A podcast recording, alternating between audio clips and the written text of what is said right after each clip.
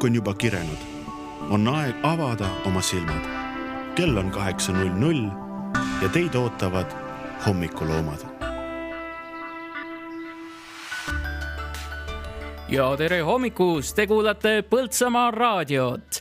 mul on väga hea meel, et te olete asunud meid kuulama, kui te olete asunud meid kuulama. Te saate meid kuulata internetis poltsamaaraadio.ee ja Põltsamaa piirkonnas sagedusel üheksakümmend koma kaheksa mina olen Samuel Aksel Maikalu, aga õnneks ma ei pea üksi täna seda saadet juhtima, sest minuga koos on siin kaks fantastilist, fantastilist karakterit ja minuga koos on siin eh, Maarja-Liis Mölder. tere, Maarja-Liis. tere, hea Põltsamaa raadio kuulaja ja tere, Samuel Maarja-Liis on eh, siinsamas Põltsamaa koolis õppinud ja, ja tema on meil selline väga luulelembeline tegelane ja ta kavatseb ka täna mingi hetk meile mõnda enda kirjutist lugeda nii et eh, Maarja-Liis, millega sa praegu tegeled? Eh, ma olen natuke nagu selline hunt kriimsilm, et ma teen eh, üheksat asja ja, ja veel peale natukene. et ma toimetan, kirjutan, siis ma olen ühes MTÜ-s, viin kokku eakaid ja noori ja, ja midagi ma teen veel aga midagi jätame nagu äh, saladuseks ka, et ei hakka kohe siin esimesel minutil kõike oma, oma elulugu ära rääkima teile eakaid ja noori, kas see on mingi kohtinguprogramm siis nagu või no, no mitte, mitte päris, mitte päris, aga, aga jah, see on äh, MTÜ Jututaja, kui kellelgi tekkis huvi. Äh, me, me teeme jah, äh, sellist üksilduse vähendamise tööd selles mõttes, et, et eakate üksildus on päris suur probleem Eestis. paljudel on Äh, lähedased kaugel või on juba näiteks lahkunud, siis nad äh, tahavad seltsi, jalutamist, äh, toredat aja veetmist ja see on selline tore viis, kuidas generatsioonide vahelisi sildu tekitada, et eakad annavad noortele, noored annavad eakatele vastu ja, ja ongi kõik, kõik on rõõmsad ja väga tore, et sa siin meiega oled, Maarja-Liis. ja meil on ka kolmas hommikuloom. Nimelt, kui te olete kuulanud aktiivselt Põltsamaa raadiot, siis te olete kuulnud tema suust juba väga palju sõnu. nimelt, see on mees, kelle hääl kõlab peaaegu iga saate alguses. Siimar Kivisild, tere hommikust. tere, ma ei ole hommikuloom. Siimar ei ole väga hommikuloom, aga siiski sa lugesid sisse hommikuloomade kõlli seda küll, aga see oli niisugune vaiksem ka nagu ärkav, aga. Siimar, sind tuntakse veel ka teistest saadetest, näiteks äh, Vaeva pead ja pruugi suud. ütle seda palun äh, vaeva pead ja pruugi suud. Siimar, mis viga, sa ei ole üldse ikka hommikuloom. tund aega liiga vara ärkasin. okei okay,, aga spordirahvas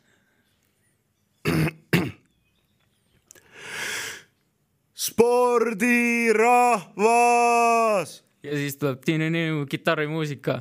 no vot, väga hea. aga Siimar, millega sa muidu tegeled, sa mingi trimmerdad kuskil praegu või? Äh, praegusel hetkel trimmerdan niisama, teen töid, talutöid, aga muidu õpin Viljandis ahah, mis sa seal äh, õpid siis no,, trimmerdamist? ei õpi trimmerdamist, äh, nüüd ma ütleks, et eriala muutus, nüüd on videokujundaja. videokujundaja? videokujundaja see kõlab paremini kui eelmine nimetus. Mis see eelmine nimetus oli? multimeediaspetsialist. mingi, mis multikulti, mis no,? no täpselt. jah, midagi sellist. sellest saab vanaisa ka aru. kas äh, ainult äh, nimi muutus või äh, sisu ka muutus? sisu ei muutunud. okei okay väga hea, väga hea, nii et see on meie seltskond täna, Maarja-Liis Melder ja Siimar Kivisild. äärmiselt suur rõõm, et te täna siin meiega olete. kas te olete muidu jõudnud eelnevatel päevadel ise ka kuulata Põltsamaa raadiot? Ja mina natukene olen küll, et äh, sattusin sellisele äh, poliitilisemale saatele äh,, kus siis äh, ka äh, sina ja minu kunagine ajalooõpetaja ja äh, keegi oli seal veel, ma kahjuks täpselt ei oska öelda, aga arutasite väga põnevatel teemadel konservatism versus äh, progressivism on vist see sõna. midagi sellist oli jah et, et ühesõnaga oli tore kuulda äh, vanu tuttavaid hääli ja nostalgitseda ja tervitused Rainer Tõnnisele, kui ta peaks äh, ka praegu kuulama seda. ühesõnaga olete ülitublid ja mina ütleks oma, omalt poolt seda ka, et äh, väga tore muusikavalik oli et seal kõlas Mis värvi on armastus, kui mina parasjagu käima panin selle, nii et kohe tuli selline, selline, selline südamlik äh, vibe, nagu öeldakse. jah, vibe nagu öeldakse. nagu öeldakse väljamaa, väljamaa keeles, keeles, et mis see siis eestikeelne vaste meil siin on öeldud, et on mingi Vibe'ile või? võb- võbe, võbelus või võbe, võbelus, võben, võbin, võbin jah, võbin. võbin näiteks.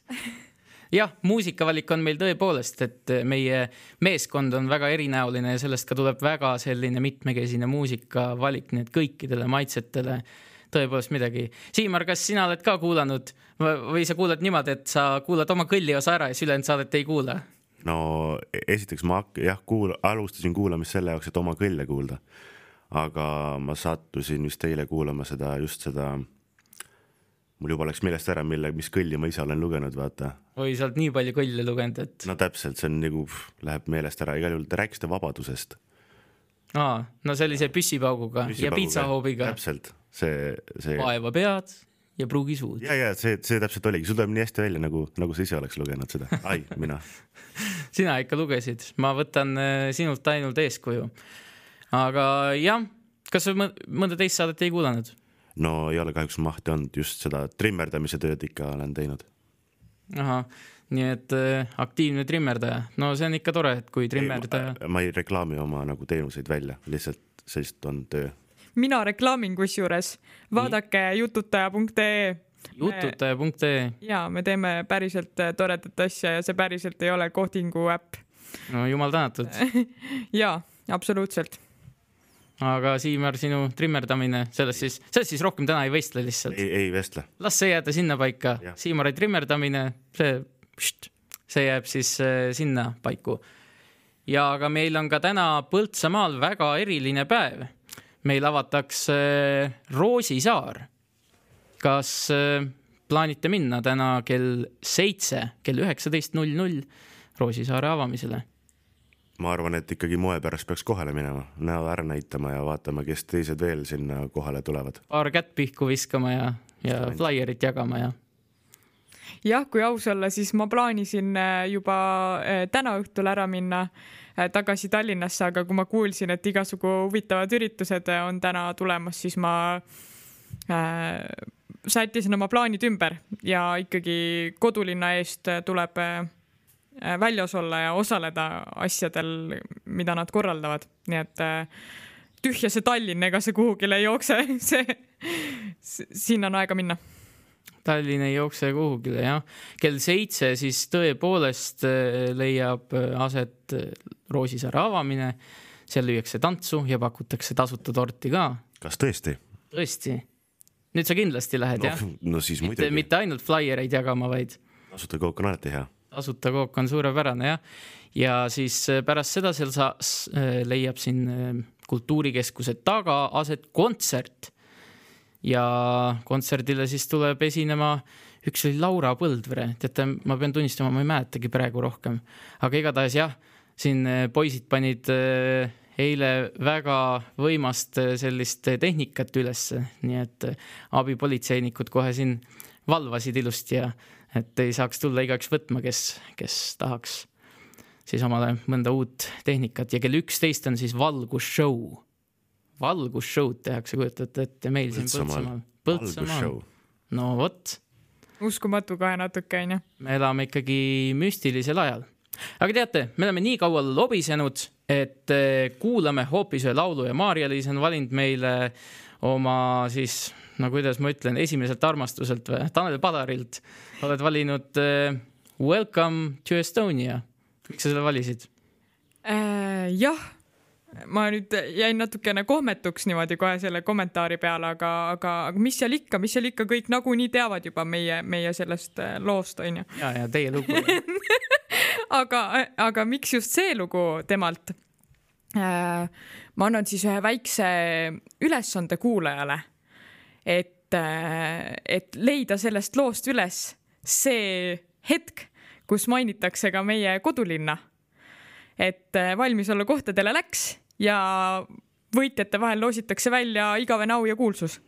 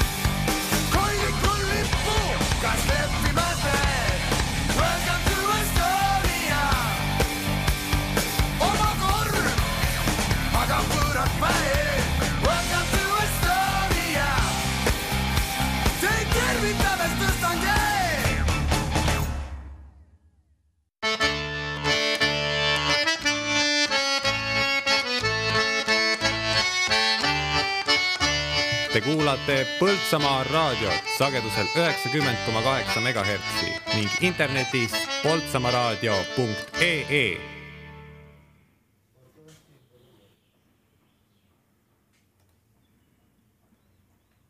tere, armas Põltsamaa raadio kuulaja. meil on täna siin hommikuprogrammis ainulaadne koosseis. meil on siin Samuel Aksel Maikalu Siimar Kivisild ja mina, Maaril Smölder. aga mitte ainult, meil on saabunud ka esimesed külalised, kes on äh, väga eksklusiivse ja, ja riskantse ja põneva ameti esindajad. Anne-Mari Koller õpib äh, politseinikuks ja Arbo Koller on äh, päästja. tere, Anne-Mari ja Arbo. tere hommikust tere hommikut! ma kõigepealt küsin, et äh, kuidas teil äh, suvi kulgeb, et kõigil on siin selline või noh, palju, paljudel on selline puhkuse mood ja, ja chill ja päik-, päike, aga kas teil on ikka, ikka selles mõttes, et punane kukk ei, ei puhka ja, ja pätte ikka liigub, et kuida-, kuidas teil on? No minul tõepoolest, et äh, alles äh, juuni alguses hakkas mul siis äh, suvepuhkus koolist, siis veedan natuke aega Põltsamaal, tegelen siis abipolitseiniku tööga, hoian siin kogukonnal siis silma peal. üritan Eestimaal ringi reisida, natuke puhata ja juulikuus lähen juba Ida-Virumaale praktikale, et, et väga sellist suvepuhkust enam ei ole ma korra, korra küsin vahele veel, et, et sa hoiad siin, ütlesid kogukonnal silma peal, et kuidas siis kogukond ennast üleval peab äh, senini? sul on äh, kaamerad siis nagu üleval ja sa kodus kuskil keldrist vaatad niimoodi, jälgid? ja absoluutselt iga, iga päev olen Helkur Vestiga kodus valmis äh, reageerima ei, tegelikult Põltsamaal minu arust või üleüldse kogu Jõgevamaal on nagu väga positiivne ja meeldiv töötada, et ei ole sellist tunnet veel olnud, et et elu oleks ohus, et äh, minu arust on siin väga turvaline õhkkond. kuidas sinuga, Arbo, mis, mis sul toimub parasjagu? ei, kahjuks on jah tõesti niimoodi, et ega punane kukk ei puhka. Samamoodi ei puhka ka mina, et tuleb tööd teha suvel. sügisel jahedaga on aega puhata küll. ja jah, eks päevad ei ole vennad, et töö on erinev ja tuleb edasi vaikselt minna Anne-Mari, ma korra täpsustan, et sa veel õpid politseinikuks, aga samal ajal sa oled veel abipolitseinik aktiivselt.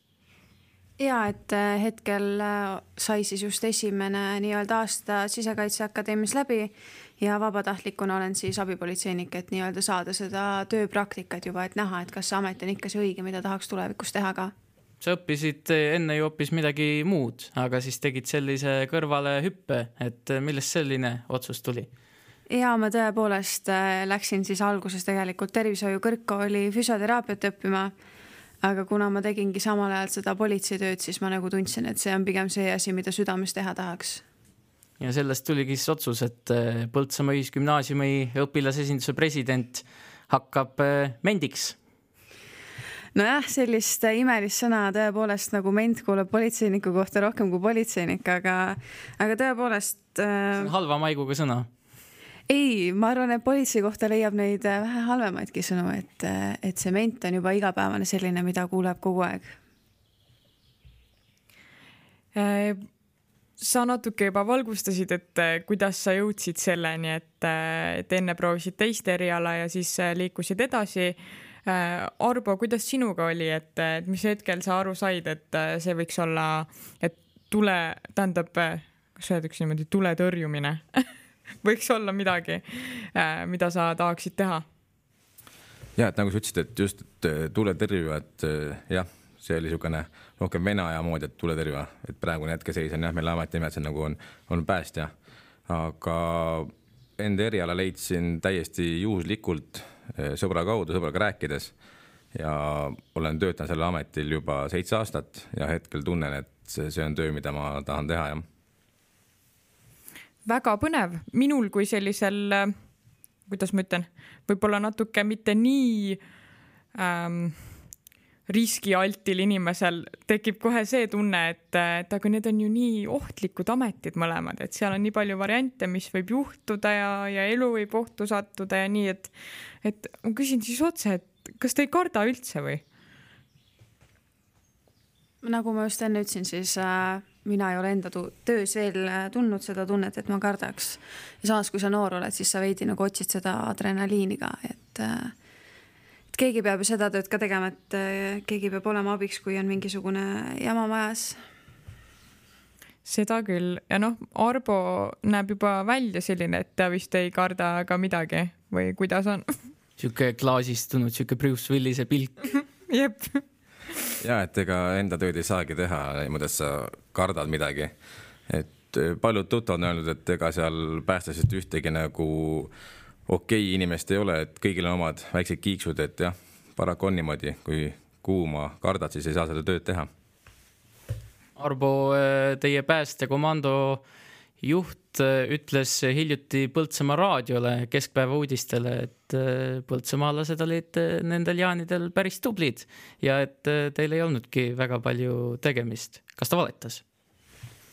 ei, õnneks on jah, et ennetus on teinud väga suure töö ära, et jah, tõesti, mida aastad edasi, seda rahulikumaks läheb.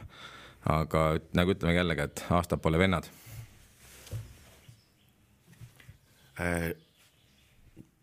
jah, kohe tuleb küsimus minu poolt äh, siis Anne-Marile, et äh, mida oli vaja, et sinna kooli sisse saada? ja kas see, sinna just lisaküsimus, mis ei ole otse selle, sellega seotud, on see, et kas see abipolitseiniku töö on siis andnud sulle eelise teise, teiste koolikaaslaste ees? see on Sisekaitseakadeemiast räägime vist jah? ja et äh, Sisekaitseakadeemias õpin politseiametniku erialal ja kooli sisseastumisel oli siis kõigepealt oli vaja nii-öelda esitada siis eksamid, et luges ainult eesti keele eksam, kuna matemaatikat seal siis ei loeta.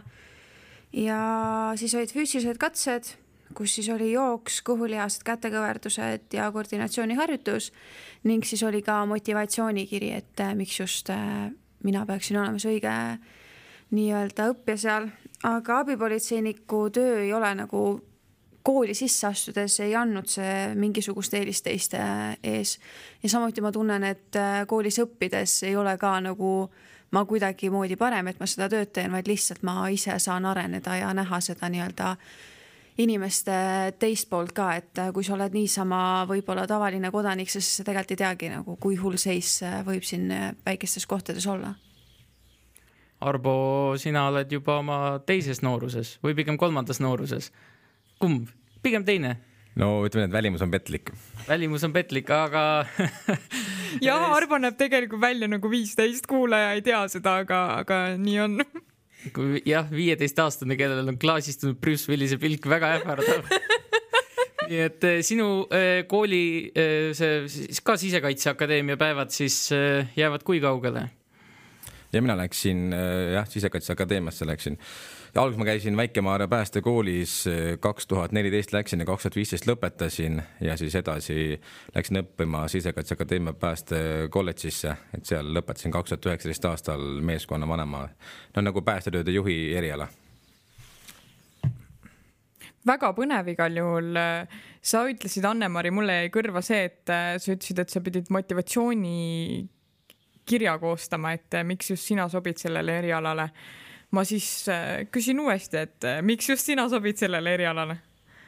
mida selleks vaja on, kui keegi praegu näiteks ähm, äh, keskkooliõpilastest kuulab meil ja, ja mõtleb, et tundub põnev, äkki ma sobiksin ka, siis, siis milline inimene sobib? tegelikult olen nagu suhteliselt kindel, et ei ole mingisugust kindlat tüüpi, kes sinna kooli sobiks, et kui sa ikkagi tunned, et äh, sa tahad nagu kuidagi kogukonda aidata ja teha midagi selle jaoks, et ühiskonnas oleks turvalisem ja parem olla, et siis sa oled kindlasti nagu õige inimene. samuti minul oli siis see, et kui ma kooli kandideerisin ja kui ma sisse sain, siis hästi paljud minu tuttavad ja nagu tutvusringkonnas olevad inimesed ütlesid, et issand jumal, et üks noor tüdruk tahab politseiametnikuks minna. et kindlasti mina leian, et äh, see on ka tüdrukutele väga sobiv eriala, et ei ole ainult äh, mehed need, kes saavad äh, tugeva füüsilise tööga hakkama, et kui sa natuke trenni teed ja tahtejõudu on, siis miks mitte ma küsin sellist asja veel, et kui mina läksin ajakirjandust õppima, siis mulle öeldi, et sul varsti pooled sõbrad kaovad ära, sest inimesed ei julge sulle rääkida midagi ja ajakirjanik on selline nagu natuke vastuoluline amet. kuidas sinul, Anne-Mari, on, et kas äh, sõbrad tunnevad ennast sinu seltsis ikka vabalt, pidutsete niimoodi, teete ka noorte inimeste asju või ka tunned natuke sellist pinget ka, et nad nüüd hoiavad rohkem vaos ennast ja ei ropenda sinu kuuldes ja midagi sellist? sa võtad pittu minnes ka ikka teleskoopnuia ja elektrišokirelva kaasa absoluutselt, ma käin igal pool vormiga lihtsalt, et inimesed näeksid juba kaugelt ära, et ma tulen.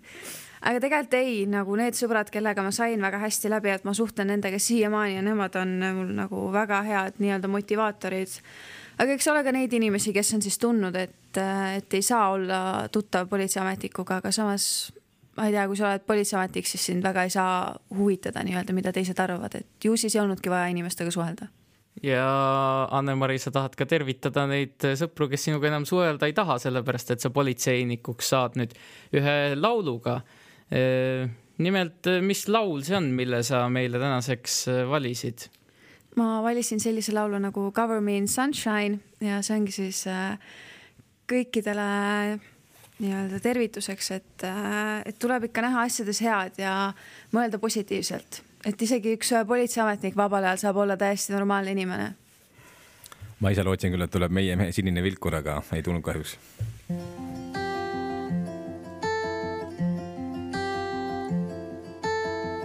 I've been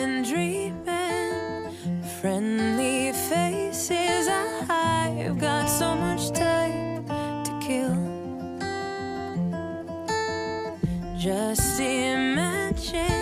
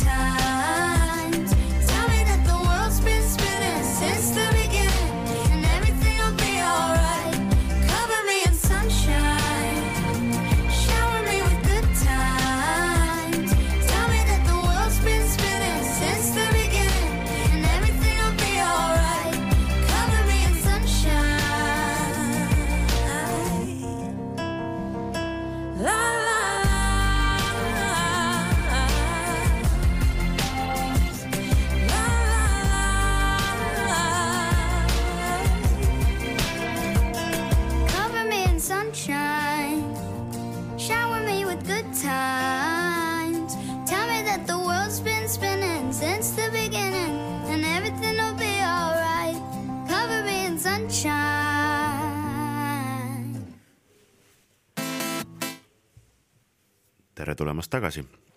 et lõpetada siis selline kooli, kooli niisugune sektsioon sellest küsimustest, et kaua see õpe kestab?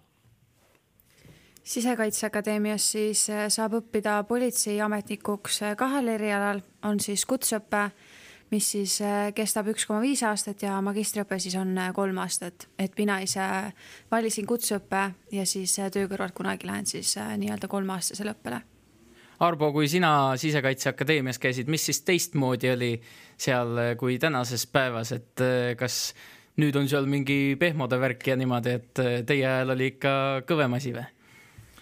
no eks elumehed tuli kõik koos minuga ära sealt koolist, et ma nüüd kahjuks ei tea jah, mis sealt edasi saanud on.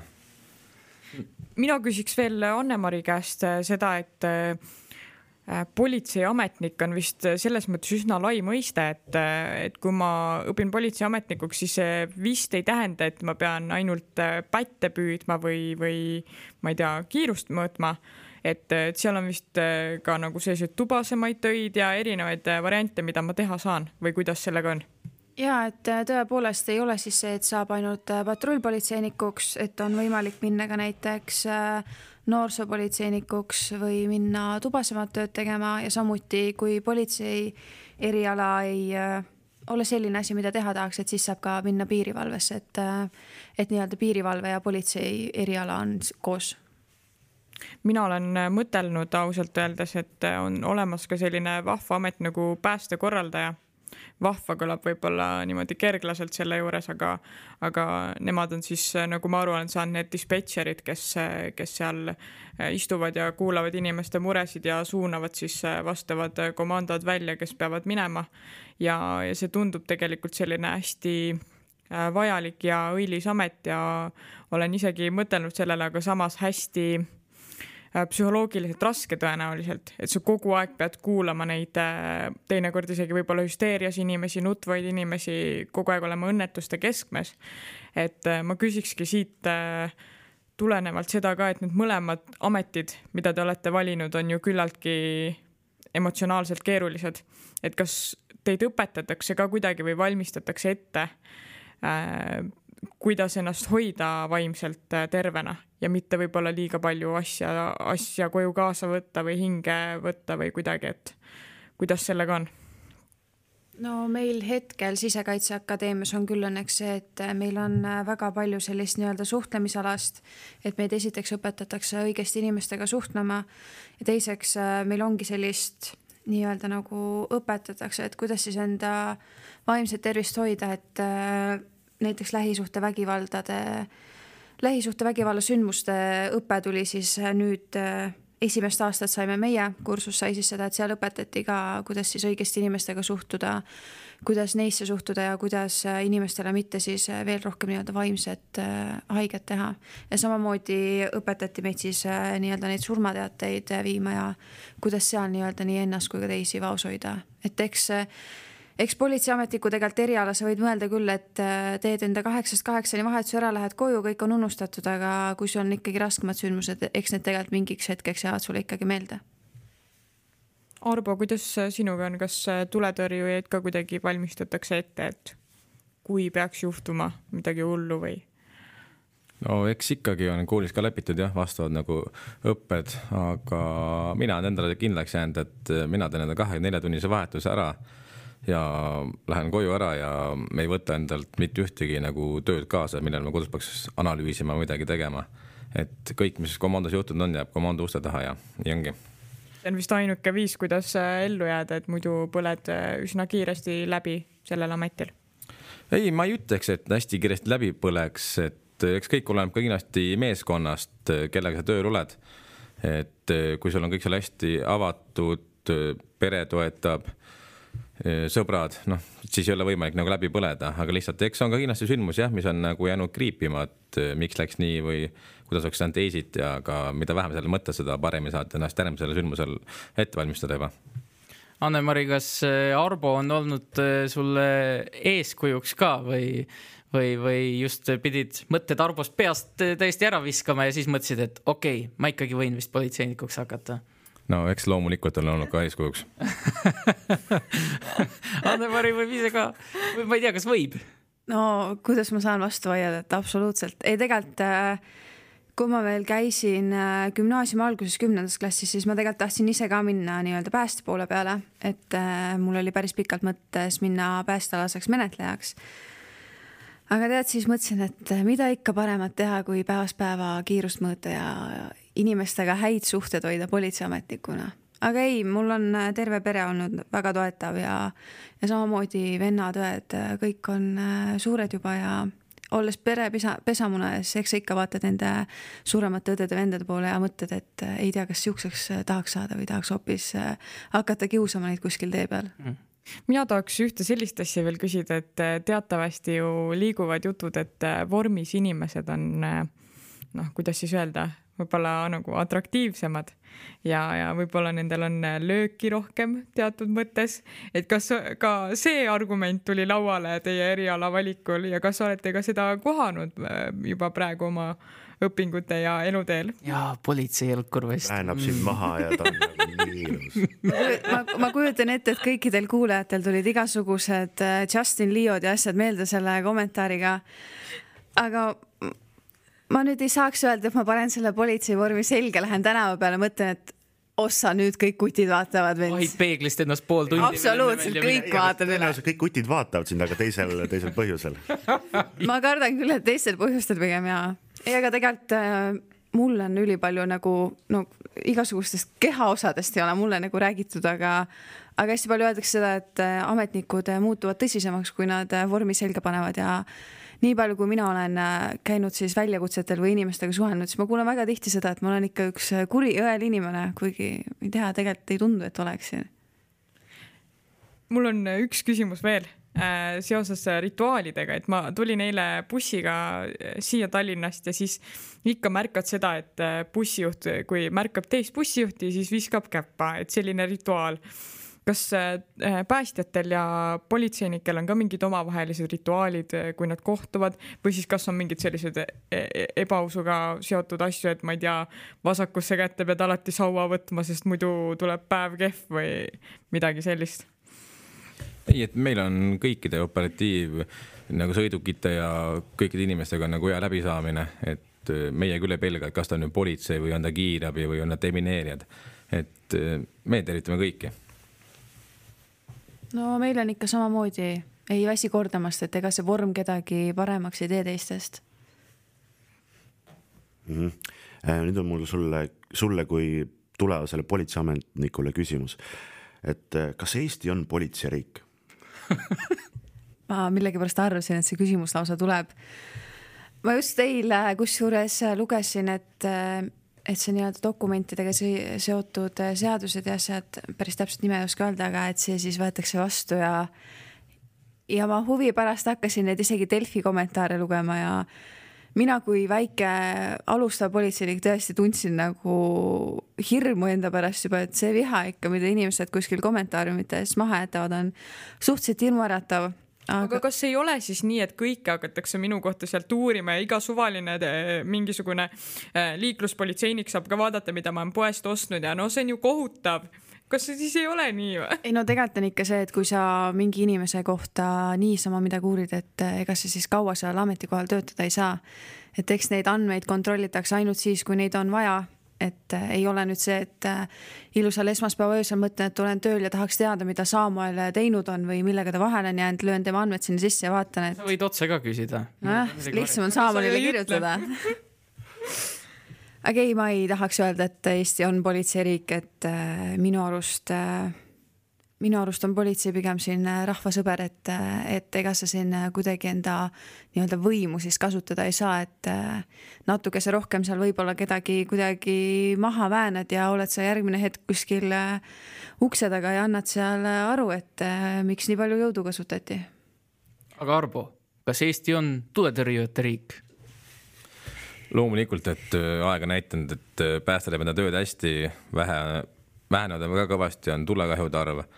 et äh, ma arvan ja, et Päästeamet on väga-väga suure sammu teinud siin ennetuse koha pealt, et inimestel on ka mõistmine paremaks läinud ja sama ma tahaks öelda ka, et mitte me väiksele siin pugeda tahaks, aga tegelikult mina mõtlen alati, oleme rääkinud ka nagu enda komandosmeestega, et Eesti tegelikult ei saa olla mitte kunagi politseiriik. et politseinik teeb enda tööd, teeb kiirabi enda tööd, teeb pääste enda tööd. et lihtsalt vahel on niimoodi. ma küsin veel, Arbo, sinult, et äh, filmidest tean, et äh, päästjatel on selline toru, mida mööda nad siis alla laskuvad. et kas see on ainult filmide asi või te päriselt laskutegi iga kord sealt alla? ja teine küsimus, et. miks te lihtsalt mingit lifti ei tee omale või midagi? jah, et kas see on nagu mingisugune stiilielement või, või mis värk selle toruga on? kas see on nagu enne seda minekut, et see toru tõmbab, nagu enne rääkisime siin vaibist või, või võnkest, et see tõmbab selle õige võnke sisse, kui sa energia ja niimoodi vurtsu sisse. Õige, õige, õige aura tuleb selle toru hõõrdumisega niimoodi. laseme inimesel vastata ka äkki. no ma ei tea jah, et kui toru hõõrdumine tekitab mingit nagu mõnusat tunnet, siis vist võib-olla seal ametikohal päris nagu töötada ei saaks, et seal on nagu teised töökohad. aga ei jah, meil on see toru olemas, et öö, seal ongi päevasel ajal sa oled kuskil üleval oma kabinetis või kuskil siis jah, no sedamööda alla lähme jah, aga öösel ikkagi eelistame trepis käia aga siis äh, üks küsimus veel, et äh, kui näiteks nüüd äh, äh, tuleb äh, väljakutse, et äh, kuskil maja põleb, siis äh, kui kaua on äh, teil aega äh, seada ennast valmis ja minna autodesse ja minna kohale, et ja et öö, meil ei ole vahet, kas meil on vaba aeg, väljaõpe, oleme pesemas, et öö, meil on täpselt öö, minutiga peab olema auto uksepakust üle ja garaažist väljas, et see eeldab kuskil niisugune kolmkümmend sekundit riietust, võib-olla kümme sekundit riieteni jooksmine, edasine toimub autos. vau, aga aitäh teile, perekond Kollerid, et äh, tulite siia Põltsamaa raadiosse rääkima. ja, ja aitäh, et te kaitsete meid ja aitäh, et te tõesti tekitate meile siis selle turvatunde siin Põltsamaal ja, ja Eestis elada. suur tänu teile. isiklik palve Anne-Marile, et ära siis mu poenimekirja kuskil avalda, et hoia seda enda teada. no ma üritan mitte avaldada, aga eks ma ikka hoian silma peal, et mida sa seal ostad, et hakkad võib-olla liiga palju mingit kahtlast kraami ostma, et eks ma siis helistan sulle ikka. jah, et kui mu see kaloraaž üle läheb, siis sa annad mulle kohe märku kuskil. aga Arbo, sina oled valinud eh, teie intervjuu lõpetuseks veel ühe loo ja täitsa temaatilise loo, mis lugu see on? Ja et öö, kuulame ikkagi nagu ametikohast muusikat, et ärme kuule siin mingit ing- ingliskeelset jama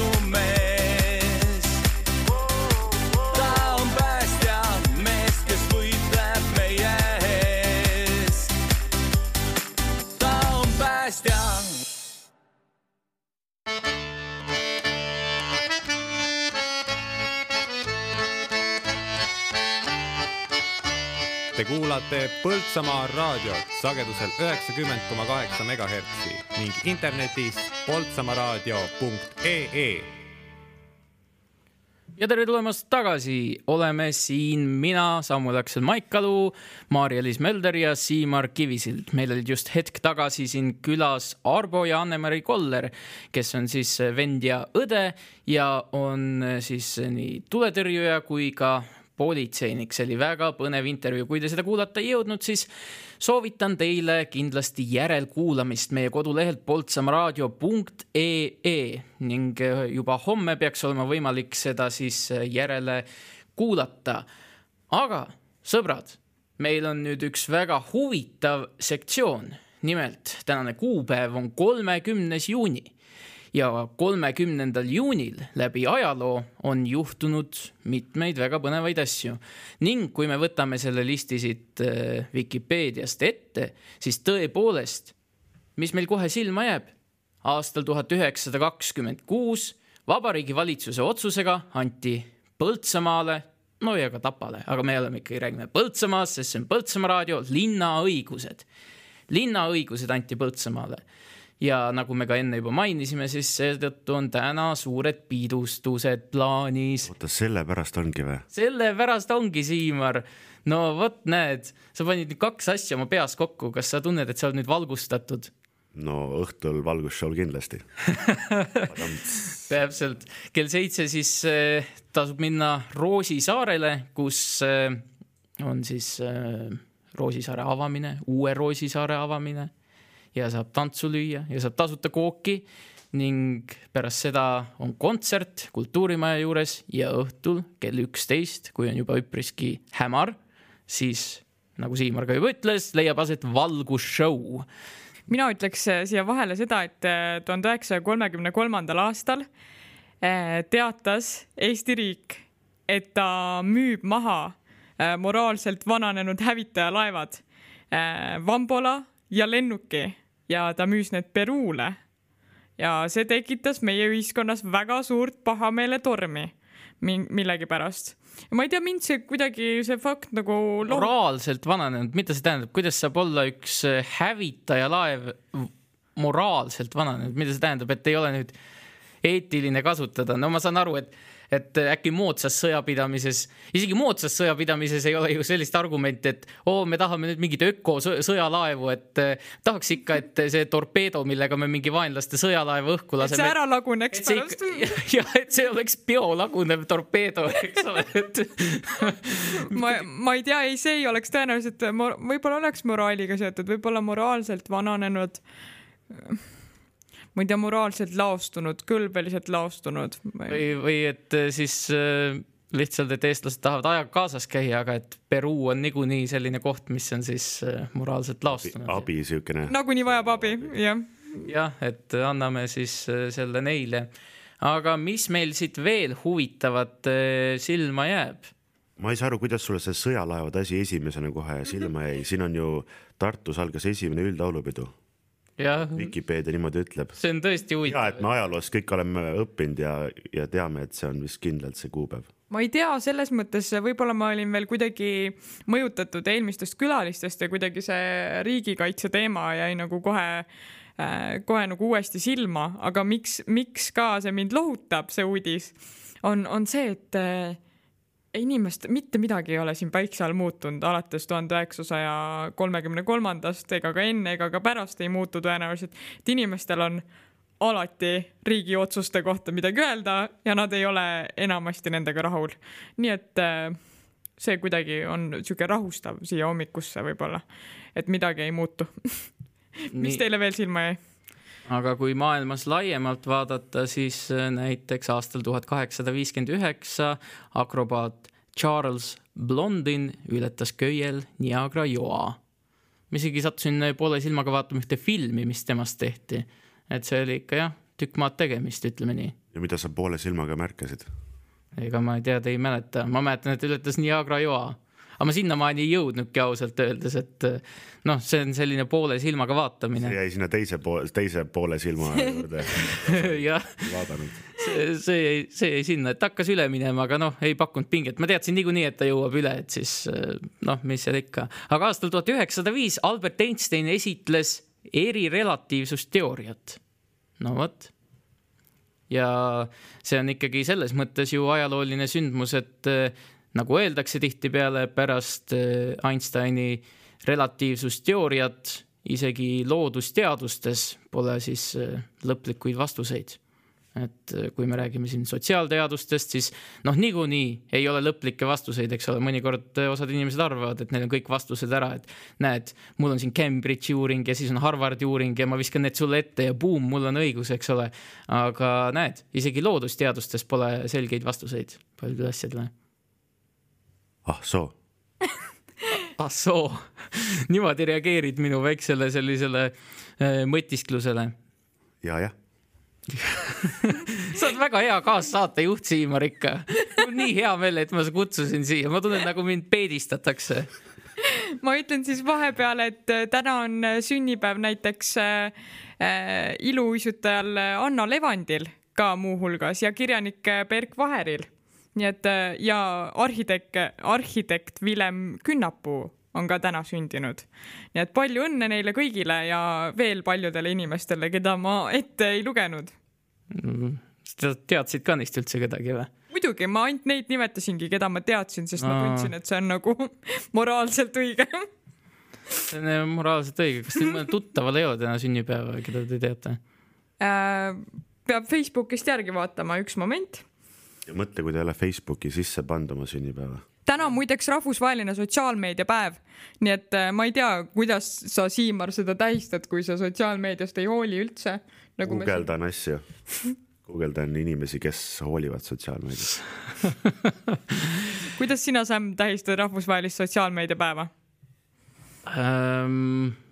panen lihtsalt Facebooki kinni ja ma protestin selle vastu, ma tahan vastanduda, vaata, see oleks liiga mainstream, et äh, tähistada mingit sellist. liiga peavool. nüüd ma kindlasti, kindlasti ei lähe midagi tegema, nii et äh, aga mis seal ikka, sinu tuttavad, nad siis jäävad äh, sünnipäevatervitustest ilma või neid saab ka hiljem äkki edasi anda.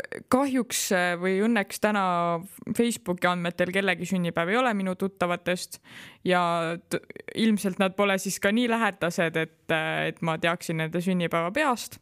nii et ma usun, et kellegi olulise sünnipäev mööda ei lähe. nii see elu on ja kuulame ühe laulu, nimelt see on tänavune Prantsusmaa Eurovisiooni lugu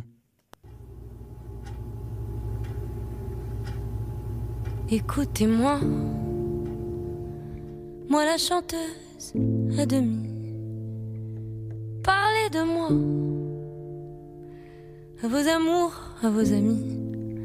Parlez-leur de cette fille aux yeux noirs et de son rêve fou. Moi, ce que je veux, c'est écrire des histoires qui arrivent jusqu'à vous.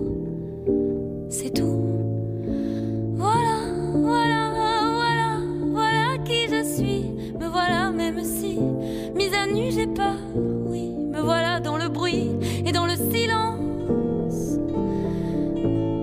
Regardez-moi, ou du moins ce qu'il en reste. Regardez-moi, avant que je me déteste. Quoi vous dire que les lèvres d'une autre ne vous diront pas? C'est peu de choses, mais moi, tout ce que j'ai, je le dépose là.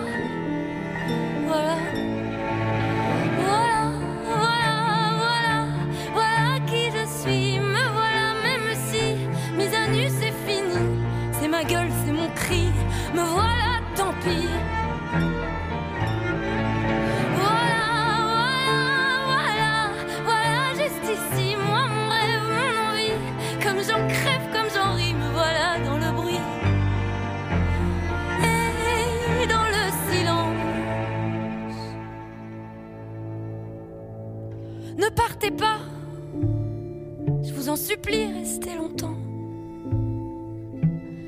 Ça me sauvera peut-être pas. Mais faire sans vous, je sais pas comment. Aimez-moi comme on aime un ami qui s'en va pour toujours. Je veux qu'on m'aime parce que moi je sais pas bien aimer mes contours.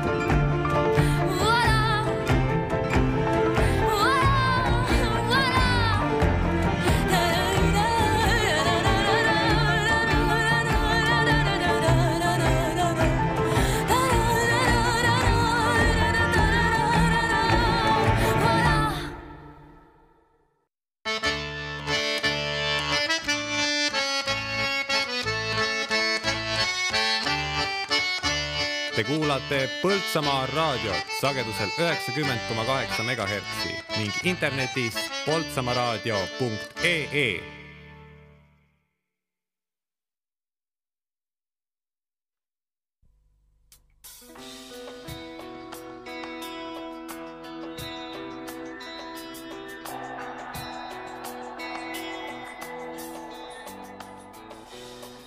poest pääseb õhtule, sest õhtu juba hilja. on kaenlas poroloonist keeduvorsti rüüm.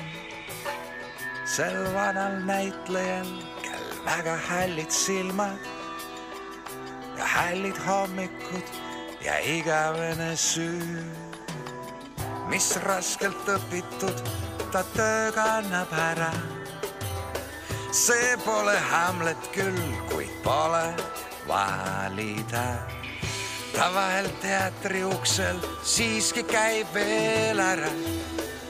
kui anne raisatud, siis andeks sa ei saa ja ammu enam ta ei kaeba, ta ei vaeva enam lootustega pead.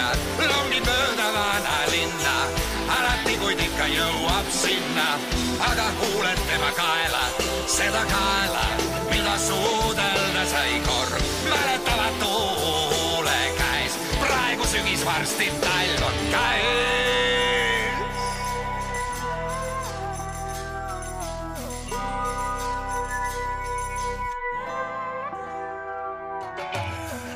ta kõnnib poest, tal aega vaadata on teisi, kuid järjekorrast pole järgi ridagi. Nii kui ta pöial ninas rahva ette seisis, kõik tundsid enam, et ei taha midagi. kuldtrussikutes jobu nõuab piigimarju käib saalis kantrirõivais, mine perse paar. ja mööda minnes varastades vihmavarju.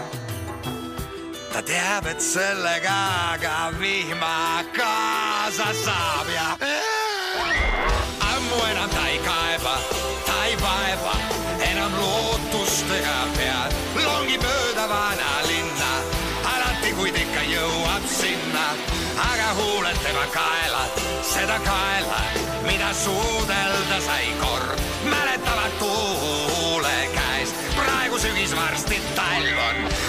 Enam ta ei kaeba, ta ei vaeva enam lootustega pead, longib mööda vanalinna, alati kuid ikka jõuab sinna, aga huuled tema kaela, seda kaela, mida suudelda sai kord. mäletavad tuule käes, praegu sügis, varsti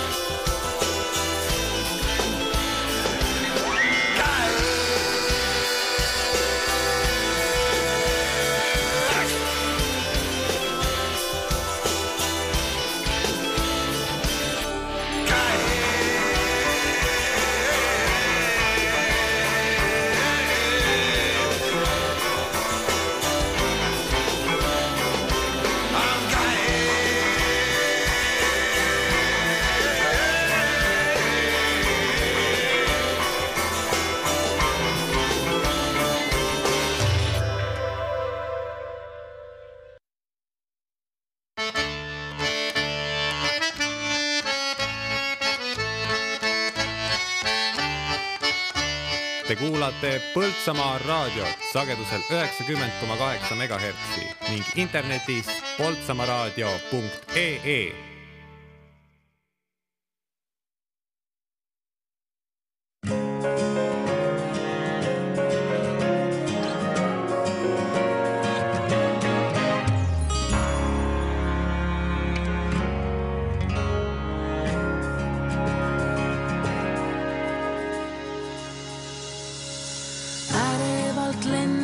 lendavad liblikad kõhus, kui seisan siin sinu ees. näen, kuidas tuttavast poisist on sirgunud mees. hommikukastseid lilli ma seadnud juustesse ennegi, kuid kes oleks uskunud sind nähes tunda võin nii.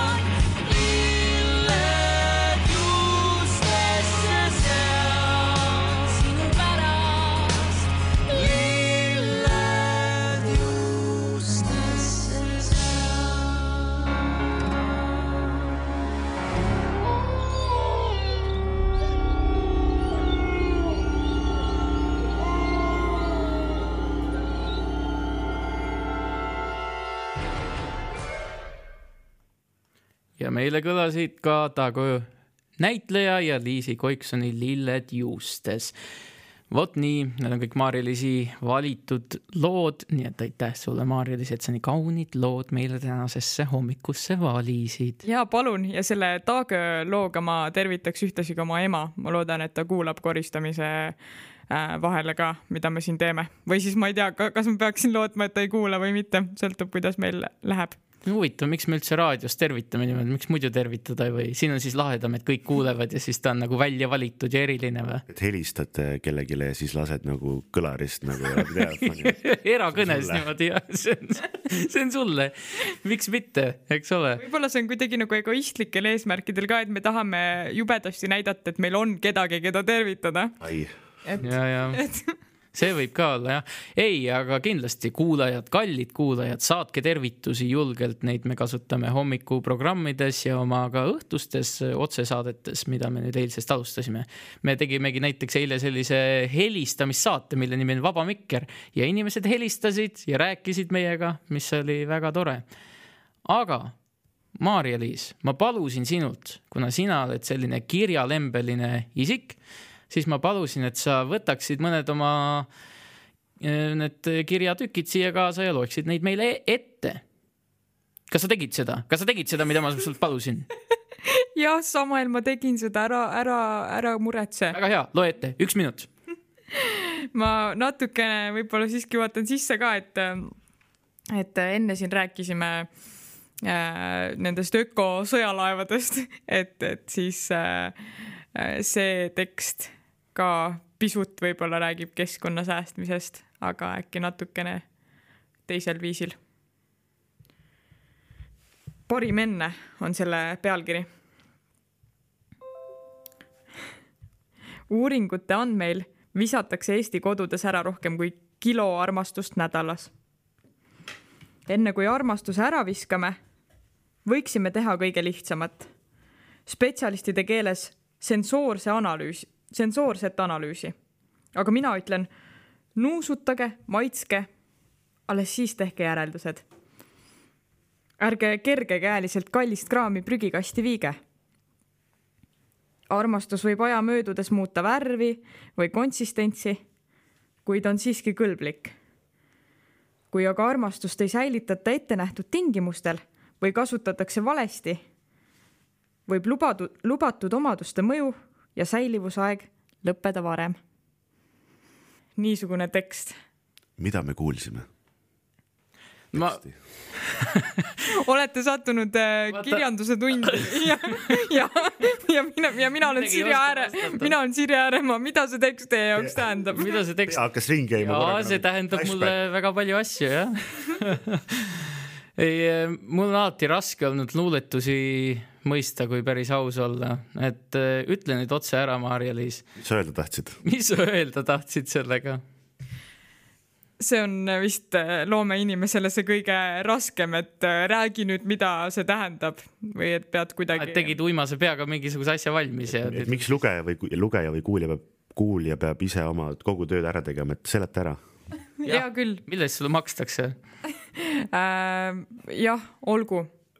Ma arvan, et äh,, ma arvan, et see tekst ennekõike räägib sellest, et äh, et armastusega ei tasu võib-olla liiga kergekäeliselt äh, ümber käia, et äh, et, et, et ma nüüd jäin ise mõttesse. et ei tasu armastusega kergekäeliselt ümber käia, et tuleb Täpselt. hoida seda. tuleb, tuleb seda hoida ja isegi kui see nõuab nagu natukene niimoodi äh, äh, vaevanägemist, et, et siis ta on seda, ta on, ta on seda vaeva väärt, ma arvan, ja, ja äh, ja kui temast eest hästi hoolt kanda, siis äh,, siis, siis see viib, viib sihile. mainisid äh, Sirje Ääremaad, ma siis äh, mainin äh, enda emakeeleõpetajat Marika Nugist, kes ütles ikka aeg-ajalt ilusti, et äh, armastus ei ole mitte lihtsalt mingisugune tunne, vaid armastus on otsus. jah, Marika Nugis oli muuseas ka minu emakeeleõpetaja, nii et äh, tervitused ka talle. ma jõudsin kõikide õpetajate käe all, käe all äh, emakeelt õppida, nii et nii et äh, jah, ma olen absoluutselt nõus sellega ja ma arvan, et äh, see on ka äh, hea lause kokku võtma seda teksti, et äh, keegi ütles kunagi, et äh, kui et kui sa armastad kedagi ja kui, kui võrrelda armastust majaga, siis, siis sa ei tee ju niimoodi, et, et majas läheb pirn läbi ja siis sa ostad uue maja.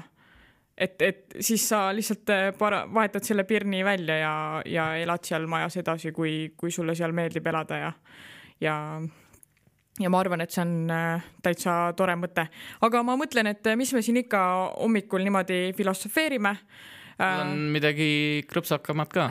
mul on midagi, midagi veel, et äh, äh, seoses äh, sellega, et on äh,, et on selline sportlikum aeg praegu televisioonis ka ja jalgpall on väga teemaks, siis äh, mul on ka üks äh, natuke, meil on näiteks saade Spordirahvas.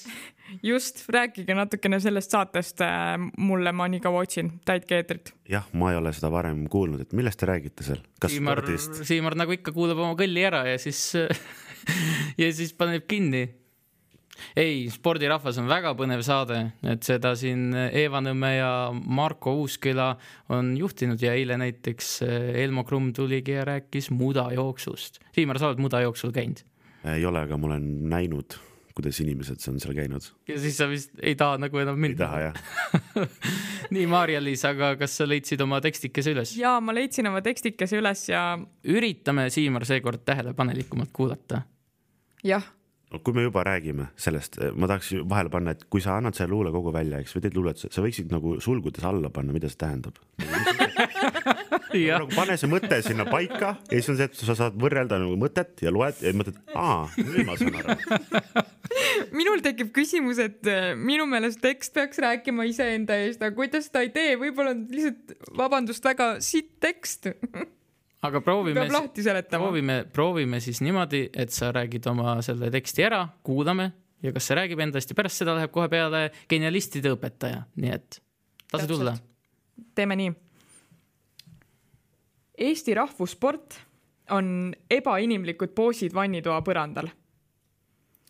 keegi ei erguta, ei kanna üle ega kätel, kui sukeldun pilkasse pimedusse, võidu poole, saatmas ainult üksik valgusvihk. ja täitsa ilma dopinguta võtan seekord ära veenäidu no seda, sellega annab nagu juba suhestuda.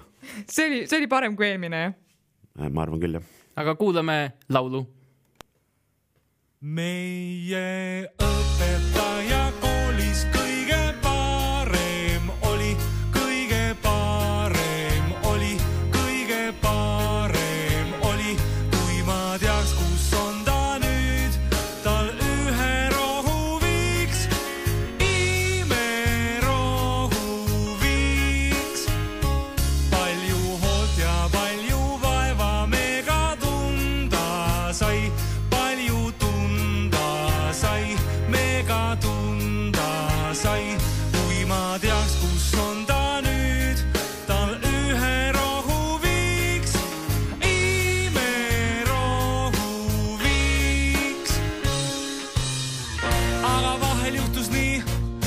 koolisööklas vastu seina lendas supp või praad või magustoit ja mõni plika pihta sai sellega või tahvli ees seisja tabas tatikuul päris hea selge sees, sellest tuleks jama, kui ei oleks naeratust.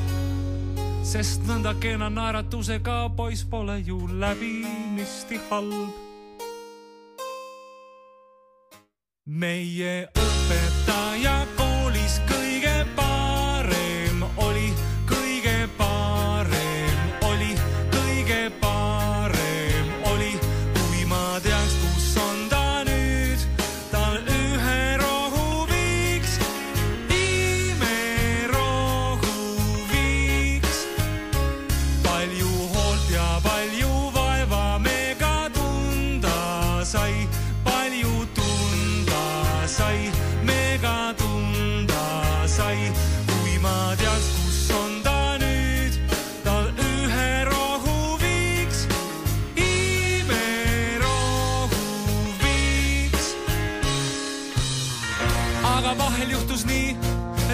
klassiõhtul tantsimiseks ei kõlvanud rokk, ei jenka, ei twist, sest ei võimaldanud liibumist.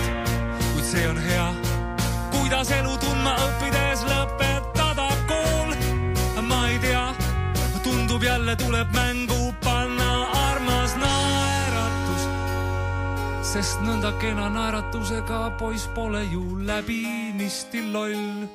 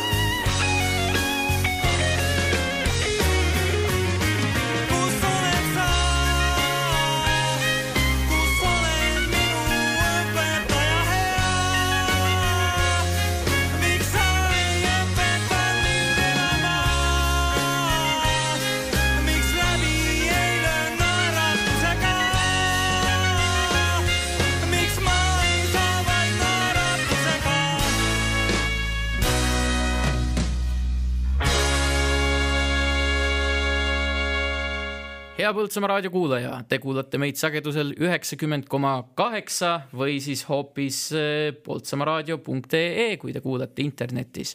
Eh, sagedusega on selline huvitav lugu, et sealt me ei tea, kui paljud meid tegelikult kuulavad. internetis on seda võimalik lugeda, aga sageduslainetega on selline lugu, et tõepoolest me oleme õndsas teadmatuses, võib-olla ei kuula meid sealt hoopis mitte keegi.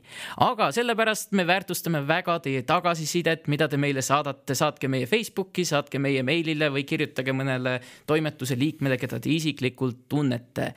aga, aga meil on stuudios järgmine külaline ja nimelt meil on siia jõudnud Lembit, kuningas Lembit okei okay,, okei okay., mitte päris kuningas eh, Lembit, aga Lembit Paal ja nimelt äh, võiks natukene kuninglikult selles mõttes esitleda küll, et äh, ta tuleb ikkagi rääkima meile Põltsamaa lossist ja Põltsamaa loss on ju olnud ühe kuningriigi, kuningriigi pealinn. nii et äh, Lembit, mis su see täpne aunimetus seal siis oli, kui sa võiksid seda meile meelde tuletada? tere ka minu poolt. Ähm, ega mul mingit aunimetust ei olegi, et aga ametinimetus või ametikoht on mul Põltsamaa vallavara osaühingu juhatuse liige. ja seda ametit olen ma siis pidanud juba pea poolteist aastat, kahe tuhande üheksateistkümnenda aasta sügisest, nii et, äh, et juba mõnda aega, et äh, veidigi selle lossi teemadega nüüd ennast kurssi viia. ja kindlasti küsimus, mis on kõigil mõttes, millal see valmis saab no ma arvan, et see on nagu, nagu Tallinna linnagagi, et ega see päris lõplikult ilmselt äh, valmis ei saa.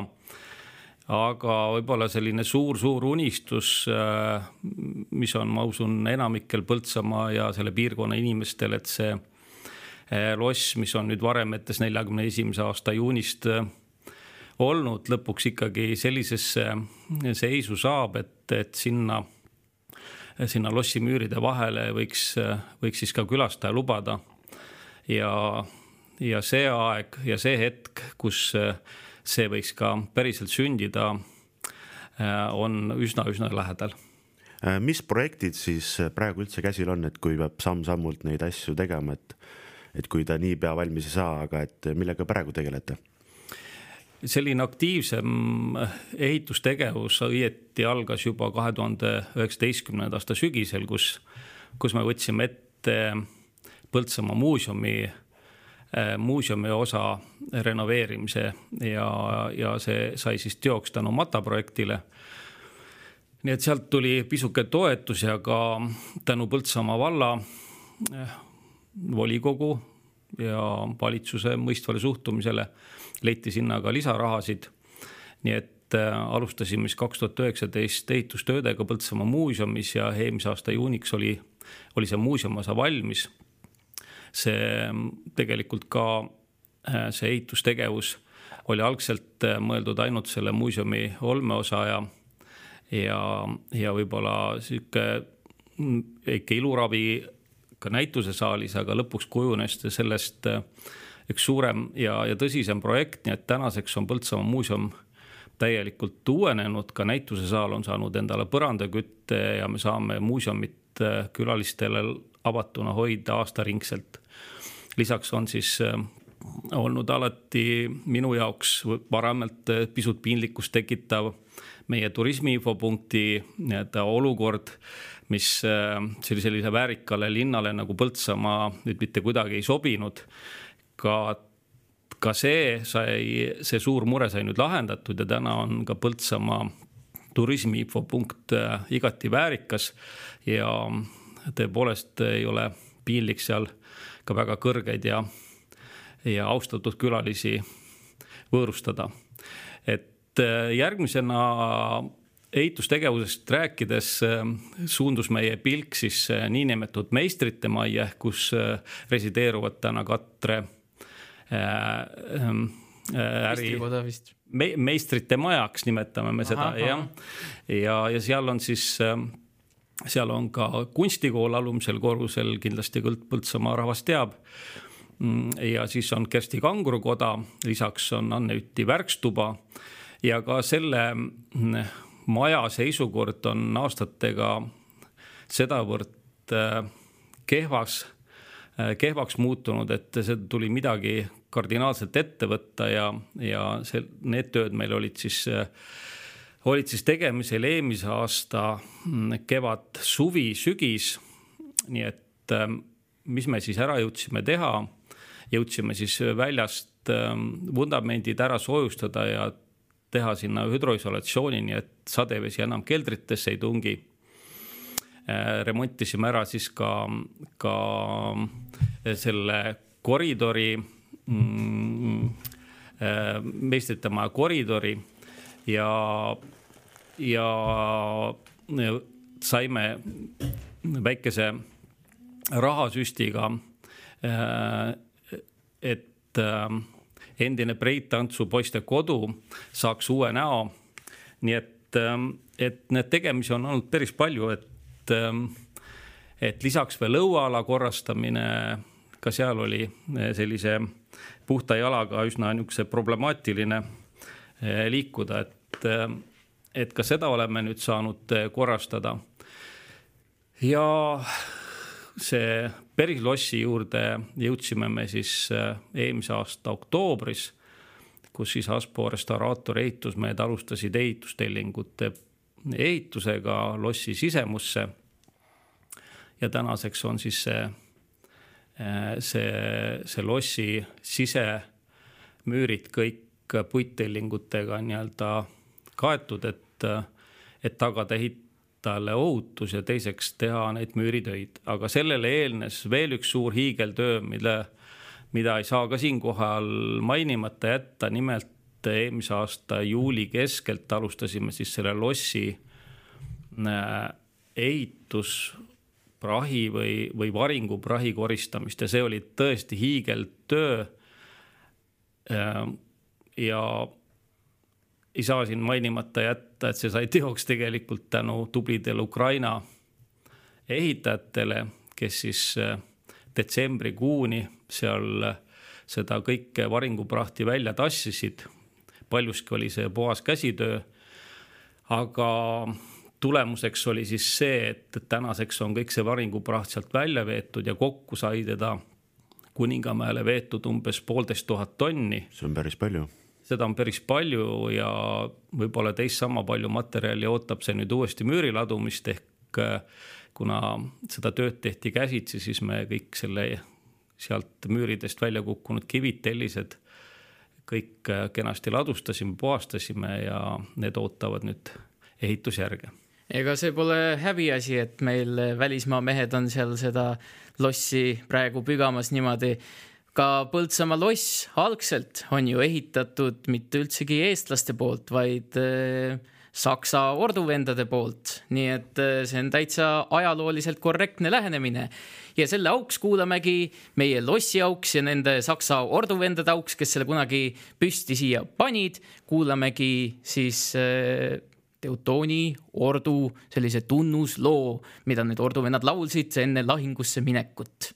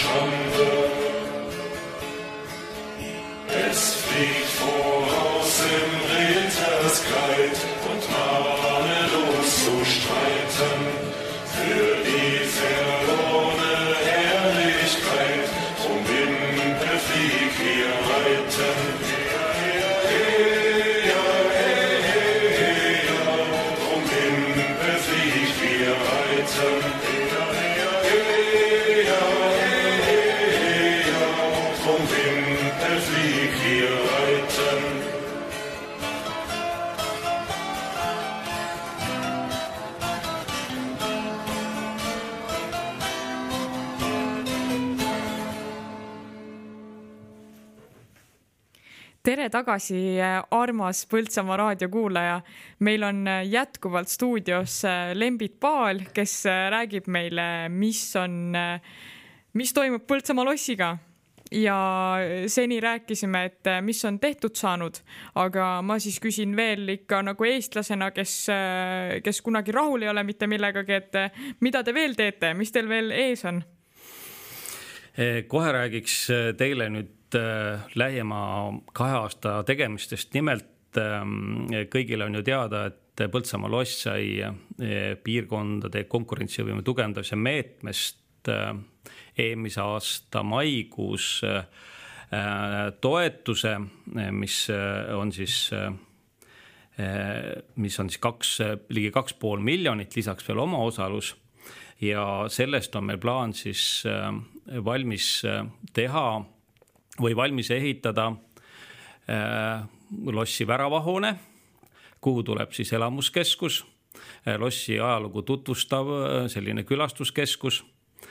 lisaks saame me siis ähm, ehitada valmis ka Põltsamaa rahvale lubatud lossi vaatetorni või vaateplatvormi, selleks on meil ka raha olemas. et, et ja püüame siis neid lossimüüre siis sedavõrd kindlustada, et, et me saame ka külastajatele selle, selle lossi avada. et kahjuks on meie rahalised võimalused piiratud ja, ja tänaseks hetkeks on meil hange läbi viidud, tegime selle läbirääkimistega hanke. nii et, et, et läbirääkimiste käigus siis täpsustasime töömaa piire ja, ja vaatasime siis seda rahale otsa, et palju me siis üldse ehitada saame ja täna on küll kahjuks nii, et, et need asjad saavad küll valmis, aga tegemata jääb õueala ja lava, mis, mis ka täna tegelikult väga-väga tegemist vajab. aga noh, hea on ikkagi see, et, et päravahoone saab valmis ja lossi saame me külastaja lasta.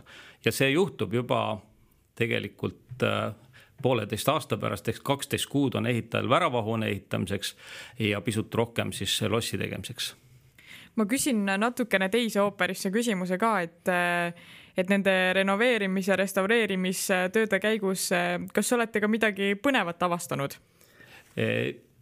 jah, kahjuks on see lossi sisemus sedavõrd läbi käidud ja, ja erinevatel ehitusetappidel uuritud, nii et midagi väga põnevat sealt välja ei tulnud. tõsi, varinguprahi alt tuli välja üks lehevaagen, mille kannuti meistrimehed restaureerisid ja mida tahame näha siis meistrite maja Rokoko saalis aga peale ukselinkide, mõnede uste hinge sellist ja üksikute ahjukivide midagi põnevamat ei tulnud, küll aga tuli, tuli põnevaid leide sellel kevadel lossi vallikraavide puhastamisel, kus siis leiti üks ilus mõõk, mis on täna siis ülikooli arheoloogia osakonnas restaureerimisel või, või konserveerimisel ja, ja muid põnevaid väikseid leide veel kas see mõõk tuleb siis Põltsamaal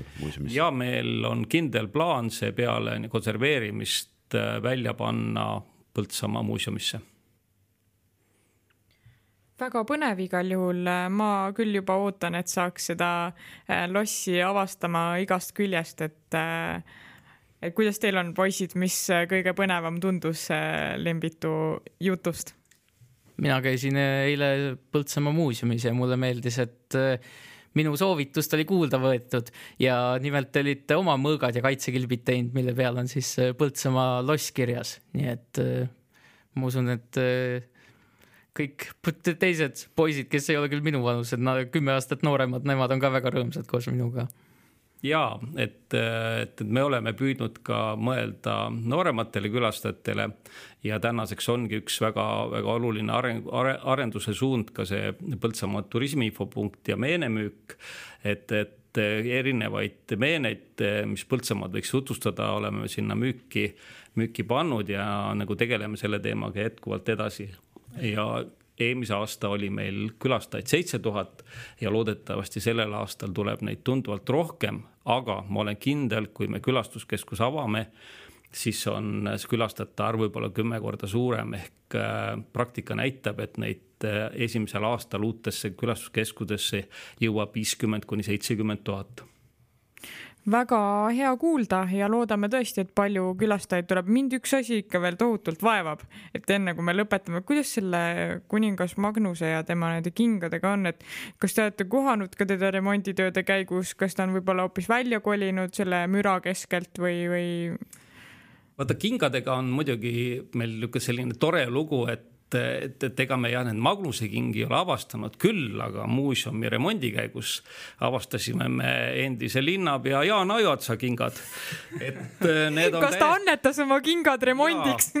tema ei annetanud remondiks, aga need on täiesti museaalid, nii et äh, külastajad, kes soovivad näha Jaani kingi, palun astuge siis Põltsamaa muuseumisse ja saate neid seal näha. ma arvan, et on vähe mehi, kes äh, täidavad neid kingi nii hästi kui Jaan ise, aga, aga äh, kindlasti tasub minna uurima siis, millised need on. sellest võiks saada traditsioon, et kõikide meie vallaülemuste kingad sinna niimoodi järjest panna jah, see oleks väga põnev kingade näitus. võiks ju vallavalitsuse ka kolida Põltsamaa lossi, miks mitte, annaks väga sellise iidsema aigu istuvad seal tornis.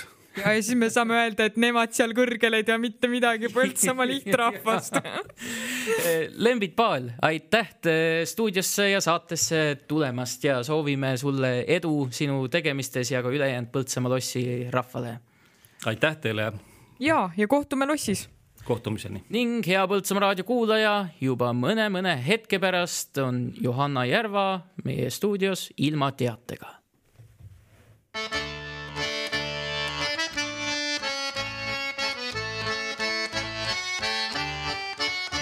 Te kuulate Põltsamaa raadiot sagedusel üheksakümmend koma kaheksa megahertsi ning internetis poltsamaaraadio.ee.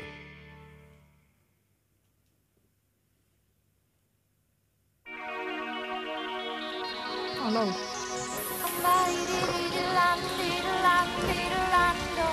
mina olen toimetaja Johanna Järva ja ilm.ee andmetel kolmekümnendal juunil vähese ja vahelduva pilvisusega ilm.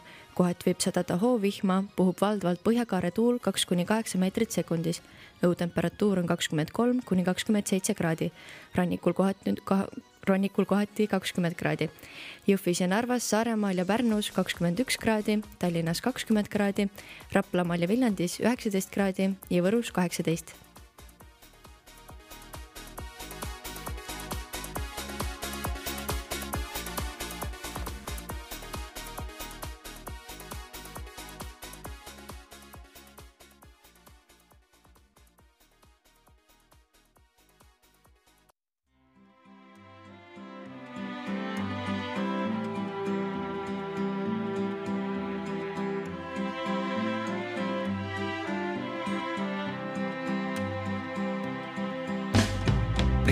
pidi igaüks pidi olema seal kellegi taga. mina tulin välja metsast ja uhkelt siis näitasin teed. inimesi oli neli vist või kuus või kaheksasada. vahet pole, aga mina olin jube tähtis kõigist ees. sest vahel võib ka luua pauk. vahel võib ka luua varrest tulla pauku. riburada pidi igaüks pidi leidma seal tee metsa vahel. mina läksin ees igaühe sees korraks, siis õitses mu hing.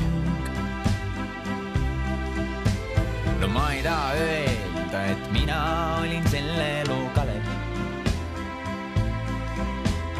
ütleks sel päeval mul südamest kaugel käis ring. vahel võib ka luua varrest tulla pauk.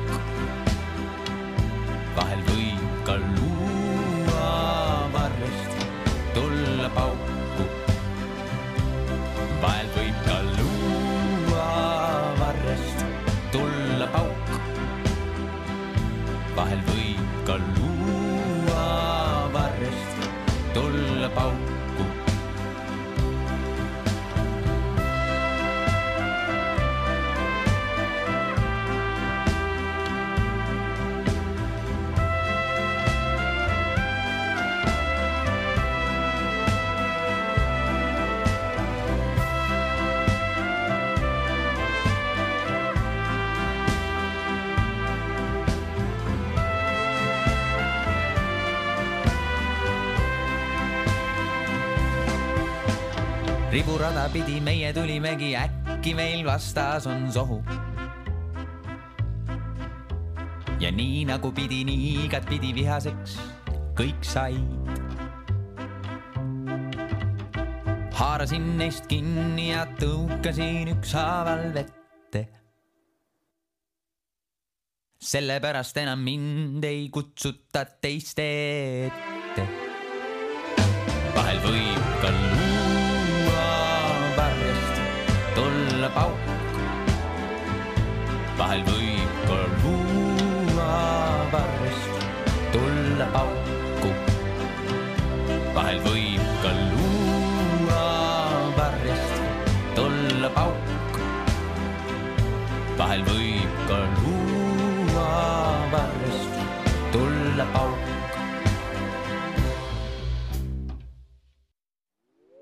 I've been keeping my distance, but my body doesn't listen. It's like my feet keep on moving. All of a sudden, I'm calling and knocking. How what you doing? We've been rolling and rolling it up the hill. We've been lying if we said that it's only a thrill. Oh, I'm tired of hiding. I got a feeling we've been fighting the windmill. So I'll be on my way. On my way. On my way. On my way. On my way. On my way. On my way. On my way. On my way. On my way. On my way.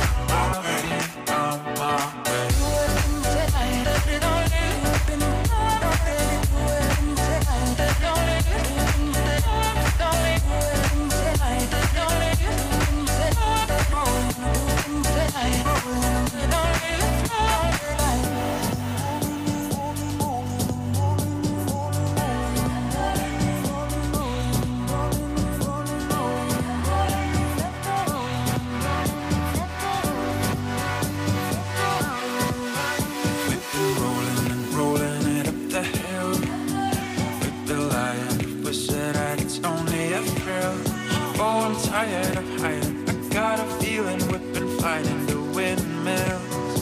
So I'll be on my I've been keeping my distance, but my body doesn't listen. It's like my feet keep on moving. All of a sudden, I'm calling and knocking. Hi, what you doing? So I'll be on my way. On my way. On my way. On my way. On my way. Thank you. my way, my way, my my way, my my way, my my way, my way,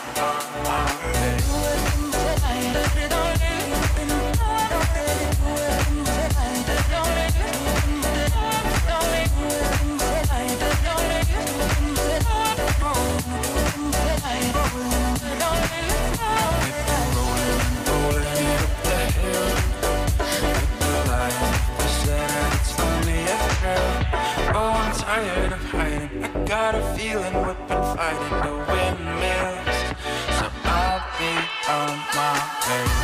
My way, my way, my way, my way.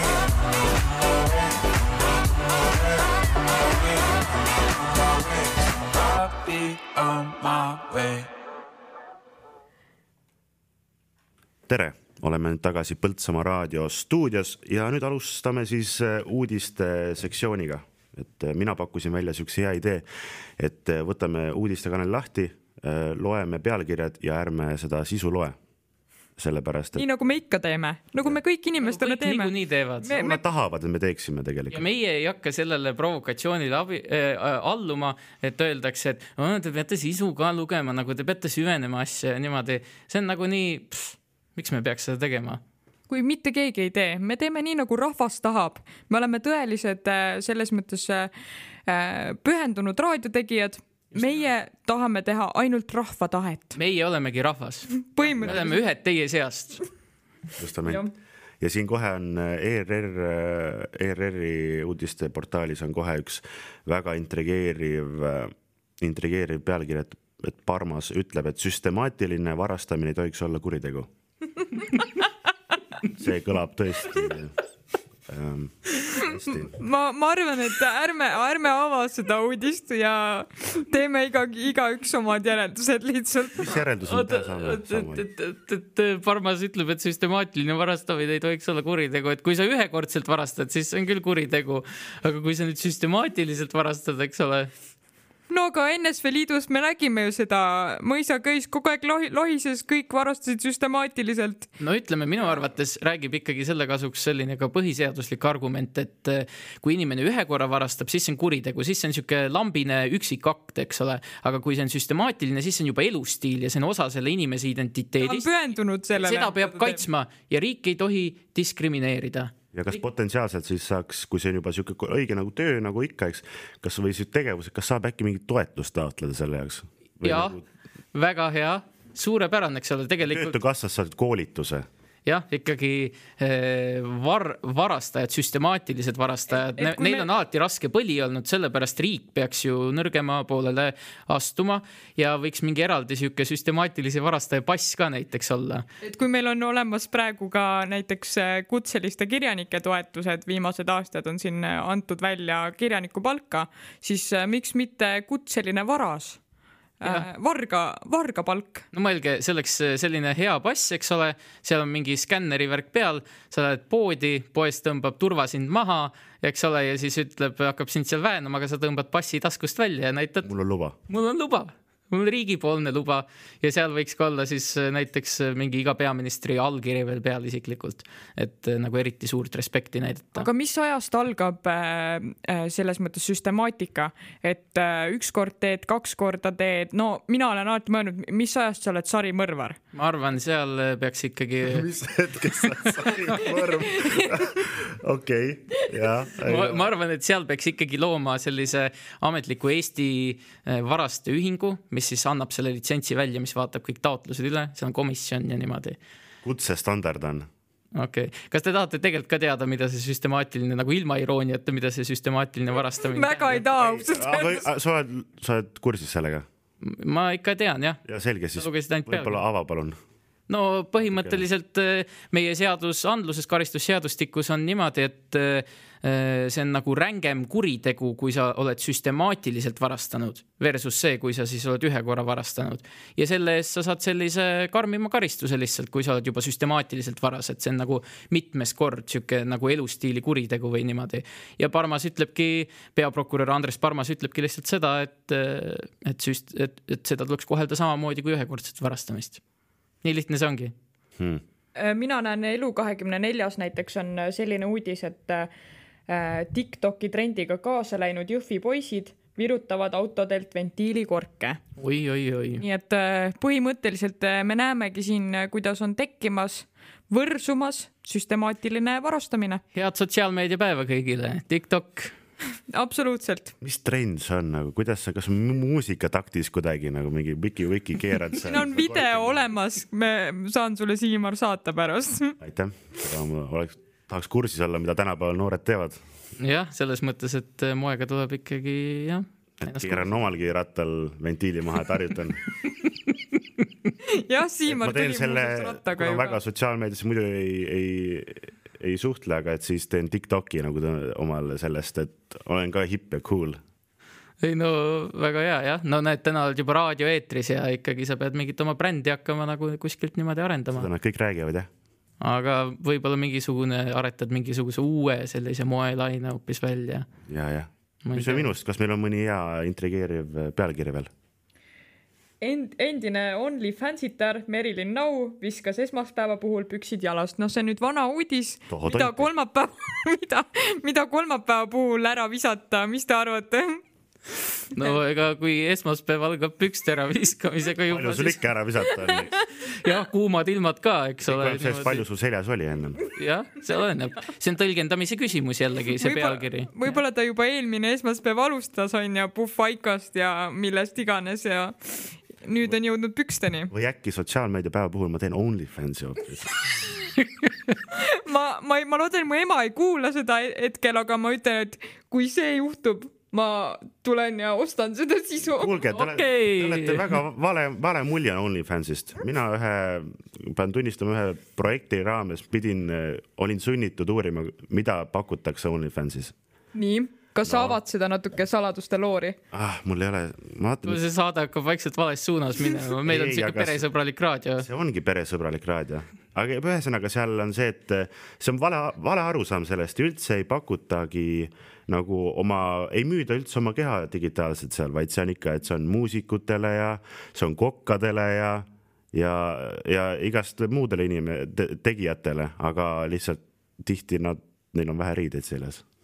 hea küll, hea küll. no näiteks võiks siukse juriidika selle sektsiooni ka siis avada seal noh, näiteks seletaks seda süstemaatilise varastamise teemat seal täpselt ja kas sul pole särki seljas lihtsalt? ja särki seljas ja täna külalisesineja peaprokurör Andres Parmas, kellel pole ka särki seljas. ja sa raadiosaade oma rõõmus. ei ole särki. no vot, aitab küll nüüd sellest, aga liigume edasi. kuulame siis äh, ära järgmise loo, milleks on siis äh, Billie Eilishi Bad Guy.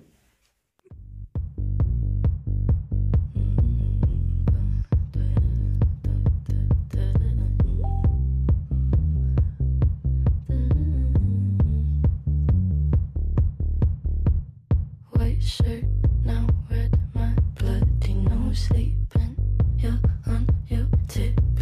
toes, creeping around like no one knows. Think you're so criminal. Bruises on both my knees for you. Don't say thank you. Oh, please, I do what I want when I'm wanting to. My soul, so cynical. So you're a tough guy, like you really rough guy. Just can't get enough guy, just always so puff guy. I'm that bad seduce your dad type. I'm the bad guy. Duh.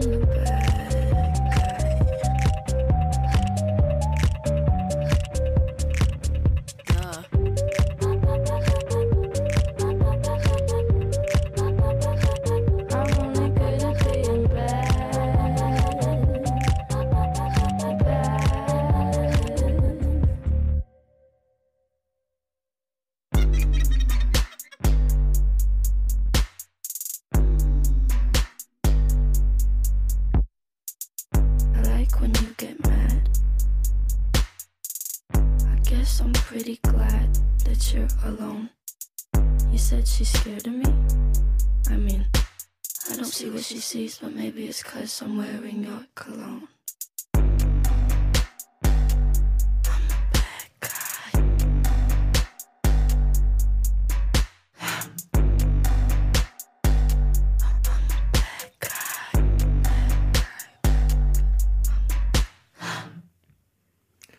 Ja te kuulate Põltsamaa raadio hommikuprogrammi Hommikul loomad. stuudios oleme mina, Samuel Aksel Maikalu, minuga on Maarja-Liis Mölder ja Siimar Kivisild. Te kuulate meid sagedusel üheksakümmend koma kaheksa või siis Põltsamaa raadio kodulehel poltsamaaraadio.ee. ja meile just laulis siis Billie Eilish, aga meil on ka palju päris toetajaid, kellega meil on siis väga lähedane kontakt olnud nimelt, Siimar, kas sa annaksid väikse ülevaate, kes on need meie armsad toetajad olnud, kes on õla sellele projektikesele alla pannud? Need äh, armsad äh, ja kallid sponsorid on Põltsamaa vald, Põltsamaa kultuurikeskus, Põltsamaa Ühisgümnaasium, Eesti Kultuurkapital, Kapital, Levira, Orkla Eesti e, E-piim ja pitsakiosk. just nimelt ja tegelikult sealt nimekirjast on puudu veel üks väga oluline toetaja. nimelt Andres Heiskonen on oma väikse firmakesega Soundcrew OÜ ja nemad aitavad meil mitmeid saadete tehnilisi pooli valmis, et paljud teavad Andres Heiskoneni, ta on siin kohalikus äh, orkestris mänginud ja, ja tema nüüd on äh, oma firmakesega meile õla alla pannud. nii et äh, suur tänu Andres Heiskonenile. Andres teeb kusjuures ka heli sellisele äh, ansamblile nagu Ahoi ja Ahoi lugusid me ka siin Põltsamaa raadios aeg-ajalt äh, mängime. olete te sellest ansamblist kuulnud? ja ma olen teinud pilte neile. oo, väga põnev. ja kes on veel meil üks äh, väga oluline toetaja, kelleta me hakkama ei saaks, kelle katuse all me parajasti ka viibime, kes need on? kas kultuuri? ja Kultuurikeskus, Siimur, õige vastus, Kultuurikeskus, Põltsamaa Kultuurikeskus. Ja nemad on tõepoolest meid siia enda tiiva alla nii lahkesti võtnud. Ja see on tõepoolest väga meeldiv koostöö, nad isegi pingutavad palju rohkem, kui nad peaks, tulevad meile nii palju vastu, mis on väga tore. ja mis oli veel eriti vahva, et eh, Janne Karu eile siin maja peal püüdis mind kinni ja ta ütles, et tead, temal on ka nii hea meel, et meie oma Põltsamaa raadioga siin oleme. ja ma arvan, et see kahepoolne rõõm ongi see, mis on üks suur edasiviiv jõud ja mulle meeldib see, et äh, Põltsamaa Ühisgümnaasium on ka äh, toetaja. Ma täpselt ei tea, mis osas nad äh, panustavad, aga kindlasti on nende panus see, et meie oleme täna siin, et meist on sirgunud nii toredad ja nii intelligentsed inimesed. kunagi andis direktor mulle sellise tänukirja, et suur tänu Põltsamaa Ühisgümnaasiumi hea maine kujundamise ja hoidmise eest ja nüüd ma täpselt ei tea, mida see tähendab, aga nüüd äh, oma edasisel eluteel ma ikka lähtun sellest vahel, et ma ikka hoiaksin seda mainet heana. ja ma loodan, et ka täna siin eetris äh, see, see maine ei lange, ei kuku. ja äh, ku, kuidas teile tundub, kuidas olete no rahul? jah, kui seda saadet mitte üles laadida, siis seda nagu pole olnud, et aga üldiselt hilja juba, Maarja-Liis hilja, sa oleks võinud seda enda saate algust rääkida, et sa oma mainet hoida tahad. Aga kuulame siis ära Kultuurikeskusele kirjutatud loo Teie meie loos. Ja see kõlabki jälle Kultuurikeskuse auks, see on hea lugu, nii et seda tasub taaskord mängida. suure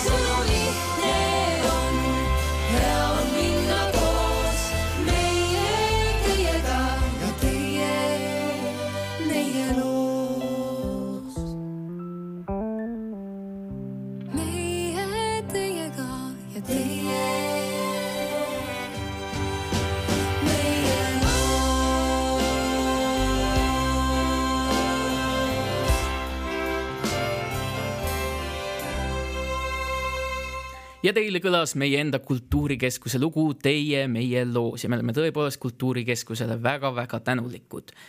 ja nõnda, nüüd hakkabki meie hommikuprogramm kohe-kohe otsa lõppema ning äh, Maarja-Liis Siimar, aitäh, et te siia tulite seda hommikuprogrammi juhtima see oli suur rõõm. nüüd äh, me peame ainult ette vaatama, et kui me kohtusse satume, siis meie vastas tuleb võib-olla peaprokurör isiklikult. aga Maarja-Liis, sinul on äh, lõpetuseks veel üks väike armas tekst lugeda. jah, ma mõtlesin, et mul kodulinna teemalisi asju väga ei ole, aga, aga üks väike asi on, nii et äh, siit see tuleb. tahan koju, aga trammid ei käi. tahan koju, kõik raha on läinud. tahan koju, valideerimata on kaart.